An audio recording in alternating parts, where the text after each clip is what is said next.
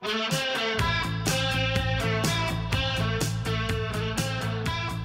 ben Helena Majorja Paredes. Ik ben 27 jaar en ik woon in Gent. Waar dat mensen mij zouden kunnen kennen is van vooral in bands mee te spelen. Sessies met bepaalde bands en van mijn eigen band Majorja. Met een band? Ja. Dus er zijn ook wat bandleden. Ja. Hoe, hoe beschrijft je jullie als groep eigenlijk? Ehm, ik denk, in- op de eerste plek staat het wel chaotisch. ja. We zijn allemaal vrij explosieve karakters. Maar daarnaast ook hele hechte vrienden die eh, echt veel om elkaar geven en belangrijk vinden dat iedereen zich oké voelt. Daar zijn we heel veel mee bezig. En ik heb ook het geluk eigenlijk dat, dat bijna iedereen van de band was ik al mee bevriend voordat wij een Oh, band werden. Dus wij kennen elkaar wel al echt door en door. En ik denk ja, dat deze zomer wel de, de test was of we het aankunnen. het band zijn samen. En heel veel bij elkaar geweest, dus ja, ook veel gebotst soms. Het is een goede proef geweest. Ja, eh, en en ik. ja, het, het klikt nog. Je hebt dus een podcast over mentale Ja. gezondheid. Hoe gaan jullie als groep om met elkaar als iemand zich eh, slecht voelt? Heel voorzichtig. En Ja. ik heb het gevoel dat iedereen wel heel hard bezig is met elkaar. Mhm. En ja, doordat we elkaar zo goed kennen al, voelt je ook heel snel aan wanneer dat er iets scheelt bij een ander. Of merk je dat in bepaalde reacties en dan praten wij daar ook over. Soms is dat niet evident, bijvoorbeeld voor een show of na een show, omdat je in die rush zit van Ja. dat optreden. Bijvoorbeeld, dat zijn dingen waar dat wij wel alles op zijn gebotst, denk ik. Allee, ik denk wel dat ons key ding is van, we bespreken het als het niet nu Ja. is, is binnen een paar weken of een paar dagen of een paar maanden. En dan zijn dat vaak zware, moeilijke gesprekken. Maar die horen er voor mij ook wel bij. Bij jezelf, hoe heb je het liefste dat, dat ze met u omgaan? Mm, Als jij zo echt zo'n rotdag hebt, moeten ze je dan gerust laten? Of? Ja, dat hangt een beetje af van de rottigheid die er Mhm. op die dag speelt. Ik ben niet iemand die... Allee, ik, ik ga me snel afsluiten als ik me Ja. slecht voel, maar ik heb eigenlijk tegelijk wel meestal echt mensen nodig op dat moment. Als ik me slecht voel, voel ik me ook heel alleen en misbegrepen. En dan is het eigenlijk beter dat er iemand is om Mhm. daarover te babbelen, dan dat ik stuur naar iedereen, laat me gerust en ik zal het zelf wel regelen. Heb je al zoveel moeilijke momenten gehad in je Ja, leven? Of, absoluut. eh, Ja? Vrij res- allee, het, is, het is voor mij echt een heel moeilijk jaar geweest. Dus ondanks het leuke en, Ondanks, ja, en succes, zeg ja, maar. dat was heel, heel contradictorisch. Na paradoxaal of zo. Eigenlijk vanaf dat we de nieuwe lichting hebben gewonnen, Mhm. denk de periode daarvoor ging het met Helena dan eigenlijk al niet zo goed. En dan heb ik mij ingeschreven en dan heb ik telefoon gehad dat we erbij waren. En dat was, zelfs dat was voor mij al heel dubbel, omdat ik toen door had van oké, nu gaat er media-aandacht komen en Mhm. ga ik interviews moeten geven. En ik voelde mij op dat moment daar absoluut niet klaar voor.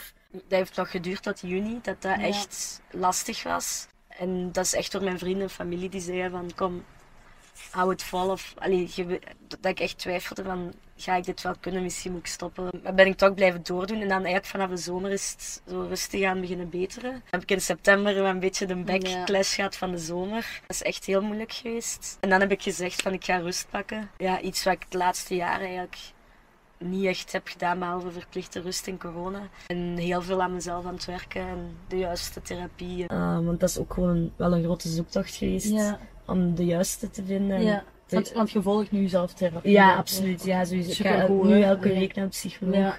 En zelfs nu dat ik voel dat ik mij rustiger voel, Mhm. vind ik dat ook nog belangrijk om Ja, te blijven is, gaan. dat is. Dat gewoon over het dagdagelijkse even Ja, zo, absoluut. is- ja. Ehm, de inzichten die ik daar krijg over mezelf, maar ook over mhm. het leven en over mijn lichaam. En Ja. dat, is, dat is zoiets dat wij niet aangeleerd krijgen op school. Ik nu zo heb zoiets van, shit, nu ben ik 27 en nu ben ik allemaal aan het ontdekken. Terwijl dat dat wel handige tools hadden geweest door heel mijn leven hiervoor al. Tegelijk ben ik blij dat ik het doe en dat voelt wel zo van, ik doe dit alleen en ik doe dit voor mezelf. En ik groei hieruit. Dus ja, ik, ik vind dat ook belangrijk om daarover te praten. Daar ook gewoon heel open over te zijn naar anderen toe. En je voelt direct dat mensen dan ook losgeworden om over hun eigen Mhm. dingen te spreken die vaak opgesloten zitten in hun lijf of hoofd. Dus ja, ik vind, ik, allee, like, dit vind ik ook super Ja? fijn om te doen, om, omdat ik dat zo, net zo zelf ook belangrijk, belangrijk vind. vindt. Ja, tuurlijk. En verwerkt je je, je kwetsbaarheden in je muziek? Ja, ja, dat wel. Ja. Ja, zeker ja, die EP, dat is eigenlijk, ja, we hebben die afgerond in september dan. En dat gaat echt over u dan? Ja, dan gaat het over mij. Over dingen die ik heb meegemaakt met exen of met mezelf Ja. of met mijn verleden. En It is Until It Isn't is de laatste track van Ja. de plaats. En dat was voor mij echt een afronding van, ja, van heel veel dingen. En ook een nieuw begin. Maar dat was wel, allee, ik heb die bij Charlene opgenomen in de studio. En dan zijn er wel echt tranen gevallen tijdens de opnames. Ja. Dat was heel zwaar. Dus dat heeft ook het, het meeste betekenis voor u? Ja, je absoluut. Ja. van- ja. Ja, sowieso. En voor de mensen die dat nummer niet kennen, over wat, over wat gaat het? Ja, dat, dat nummer, ja, het is totdat het niet meer Ja. is. Dat gaat eigenlijk een beetje over de vergankelijkheid van alles. En ik wil eigenlijk de luisteraar een beetje eh, vrij laten in keuze over wat dat dan kan gaan. Bij mij gaat dat nummer wel over liefde, vriendschappen, maar ook eh, banden met ouders of met familie die gebroken zijn Ja. of whatever. En over hoe dat je teleurgesteld bent geweest in mensen en die dat hebt kwalijk genomen zonder per se naar jezelf te kijken. Omdat er in zelfinzicht voor mij heel veel waarheden zitten of antwoorden die ik vroeger misschien niet zag. Dat je boos blijft op een ex of dat je blijft woede voelen over wat er is overkomen. Terwijl dat je dat nu eigenlijk gewoon kunt zien als iets waar je mee verder kunt En waar je misschien wat geleerd en waar je het geleerd hebt. Ja.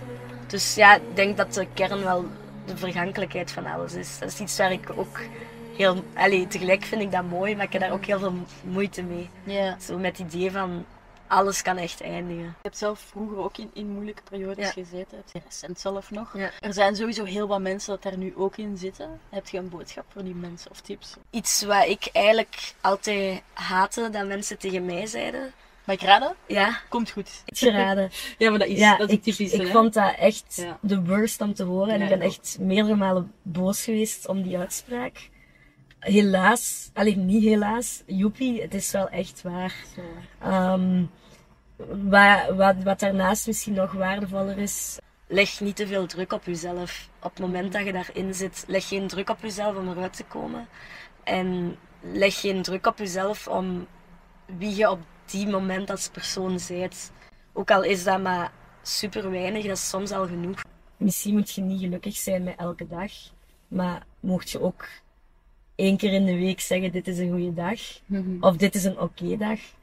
En al de rest die slecht zijn, die horen erbij. Ja, ik denk dat ik dat voor mezelf misschien meer had moeten horen in die periode dat het zo moeilijk is geweest. Want allee, uiteindelijk heeft dat wel bijna een jaar geduurd. En Ging het anders zijn geweest als je dat had gehoord? dat denk ik eigenlijk ook niet. Nee. Omdat dat voor mij was dat gewoon een heel diep persoonlijk proces. Dat ook gewoon, dat gaat over wondes die al lang Ja, in mijn is- lijf zaten. En ja, het is, het is door het zelf mee te maken dat ik dit ook pas kan zeggen. Ja, of soms kun je het ook wel weten van, Mhm. ja, het komt misschien Mhm. allemaal goed of wat dan Ja. ook, maar daarom voelt je Ja. niet zo. Nee, en, en dat is het rare. Gelijk ook zo. Ik heb nu veel boeken die ik super goed vind, die mij helpen, maar in die periode kon ik niet lezen. Nee. Ik kon niet schrijven, ik kon geen gitaar spelen. Oké, zelf dat niet. Nee, nee. Want dat is wel echt je, je Ja, ding, hè? ja, ik vond Ja. dat niet meer leuk en dat ging niet. Gewoon, Mhm. gitaar heeft toen echt stof gevangen. Dus ik zou zeggen, lees dat boek, maar ik weet bij mij, mijn breincapaciteit, allee, dat is wetenschappelijk gewoon bewezen, dat nam niks op. Dat was, dus, dat was geen spons of zo, gelijk dat dat nu wel is. Dus dan heeft dat soms niet veel nut. Dus als je dan drie uur naar een muur moet kijken, als Ja. dat je enigszins helpt, voel je daar dan niet slecht om of voel je daar dan geen lui persoon om of een whatever dat je je daarom over kunt voelen. Of als je een hele dag in je bed moet liggen, ja, je moet sporten, dat, is, dat helpt. Je moet wandelen, maar er moet zoveel. Maar het gaat geen ramp zijn als je Voilà. dat een paar maanden niet doet of een maand niet doet. Of, Absoluut. Allee, dat is natuurlijk uit mijn persoonlijke ervaring. En dat is ja, ook maar dat is, dat is ook hoe dat ik het ervaren Ja. en hoe dat ik ook hoor bij, bij verschillende jongeren en, Mhm. en volwassen mensen, Mhm. zeg maar. Die, die zeggen dat ook zo. Ik, ik wil niet moeten horen van, ah, je moet dat doen en gaan Mhm. sporten en doe iets wat je altijd leuk vond. Nee, ik heb daar helemaal geen zin in. Ja, en, en het probleem met dat is vaak, als ik dan zou denken, ik ga nu gaan lopen, ik ga me beter voelen. Ja. Want dan zeggen ze, ga lopen, gaat je Mhm. beter voelen. En ik was aan het lopen en ik dacht, het enige wat ik dacht was, ik wil nu thuis zijn en Mhm. ik kan dit niet. En dan voelde ik me eigenlijk nog slechter om het feit dat dat ook weer mislukt was. Ja, en er is Ehm, iets mis met mij. ja, voilà, te denken. voilà. Ja, ja, ja. Ehm, dus, dus inderdaad, in die zin is het misschien beter om, om voorzichtiger te zijn met zo'n Mhm. uitspraken. Hoewel ik ook wel doorheb dat het voor omstaanders van mensen die in een depressie zitten, of hoe dat je het ook wilt noemen, dat dat ook wel heel zwaar is. Mhm. En dat, dat, ook, dat daar misschien ook te weinig tools zijn van hoe ga je daar als omstaander mee om. Omdat dat ook zoiets persoonlijk is ook weer voor iedereen. En ook zoals je zei in het begin, dat wordt ons niet aangeleerd of zo. hè. Dat is niet iets dat je op school Nee, krijgt. nee. Terwijl dat wel iets enorm belangrijk Ja. zal zijn. Hè. Ja, Alleen... Is dat allee, niet voor jezelf, maar hoe gaat je een vriend of vriendin om? ja dat is, dat is super belangrijk. Ja, dat is... Want zo kun je effectief mensen helpen. Mhm. En ja, ik denk eigenlijk gewoon er zijn is dan op dat moment al genoeg. Ja, maar hoe bent je er weer? Maar, Allee, hoe, maar ja. hoe zijt je dan? Of wat zeg je? Of wanneer zegt je iets fout? Of... Mhm. Maar ja, inderdaad, allee, dat, is, dat is zoiets diep persoonlijk dat je... Ja, Daar zou dan eigenlijk per persoon een boek over moeten geschreven worden ja of zo. is... Dat is. Ah.